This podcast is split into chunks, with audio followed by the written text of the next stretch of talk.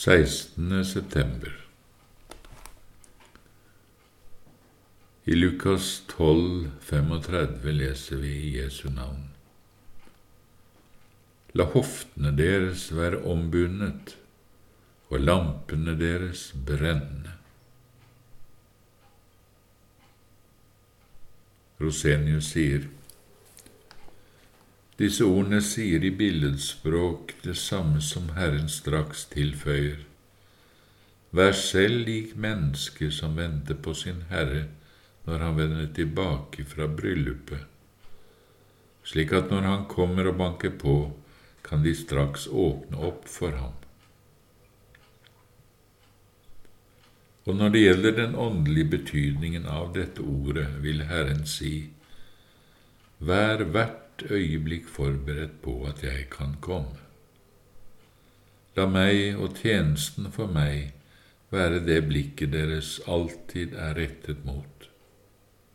Vokt dere, så hjertet deres ikke blir opptatt med noe annet, så det ikke blir bedratt og behersket av verden eller av kjødet, så det ikke kan tjene meg på rette måten og kan ta imot meg med glede. Jeg er nå ikke synlig til stede hos dere, inntil jeg har vunnet min brud. Det er hele den menighet eller det antall av menneskeslekten som skal bli frelst. Men da skal jeg komme igjen i stor herlighet for å dømme levende og døde. Pass på at dere alltid er forberedt på den dagen. Men for å være forberedt på den dagen kreves det særlig to ting. Det første er at vi alltid er kledd i bryllupsklærne, vil si at vi alltid lever i troen og daglig ifører oss Kristi rettferdighet, så vi ikke sovner bort fra den synserkjennelsen som virkelig driver oss til Kristus men at vi alltid har så stor nød for våre synder at vi ikke kan leve uten Kristus og ordet om ham.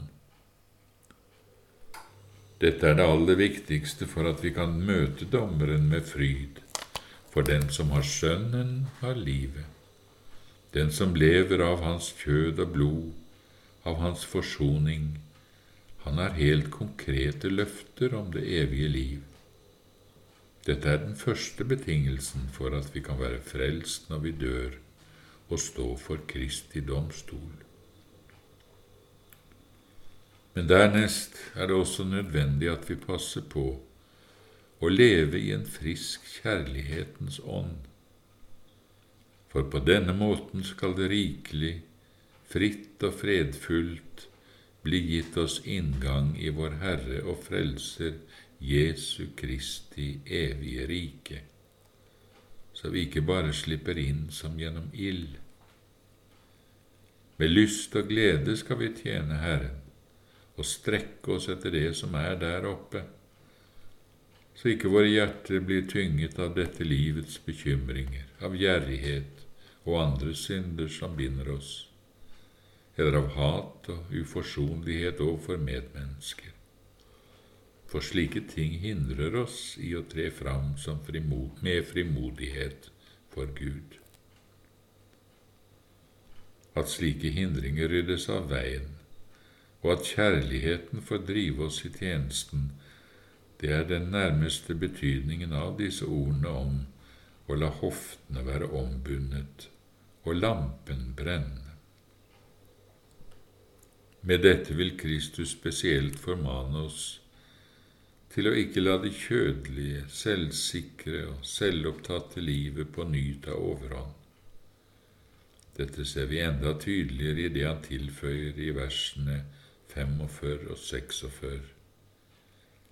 Men hvis denne tjeneren sier i sitt hjerte, Min Herre venter med å komme, og han begynner å slå tjenerne og tjenestekvinnene og på og så spise og drikke så han blir beruset, da skal denne tjenerens herre komme på en dag da han ikke venter ham.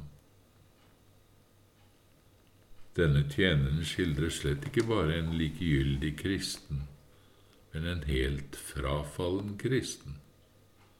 Det ser vi av at den evige vredens dom rammet han. Herren sier, Han skal hugge ham i stykker og gi ham sin lodd sammen med de vantro. Og vi må aldri glemme at det er nettopp denne forferdelige slutt det får når en kristen begynner å være så likegyldig og selvsikker at han ikke frykter for farene, og heller ikke lar seg advare. En slik selvsikkerhet fører nettopp til et totalt frafall, til åndelig død og til evig fordømmelse. Derfor er det helt nødvendig at vi tar Kristi advarsel alvorlig til hjertet hvis vi skal bli frelst. Og hvis vi er begynt å bli verslige, selvopptatte og selvsikre, må vi straks bryte opp fra selvsikkerhetens leir. Vi må søke Guds barmhjertighet og nåde til å komme tilbake til den første gudfryktige og aktsomme ånd, den vi levde i fra begynnelsen, da Gud omvendte oss. Fra første til siste side i Den hellige Skrift finner vi ikke et eneste sted som gir et selvsikkert menneske noe håp om at det skal gå godt også for ham.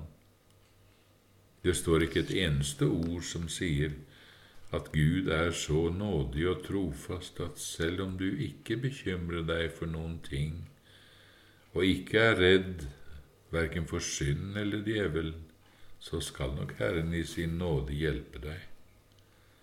Nei, et slikt løfte finnes ikke i Bibelen.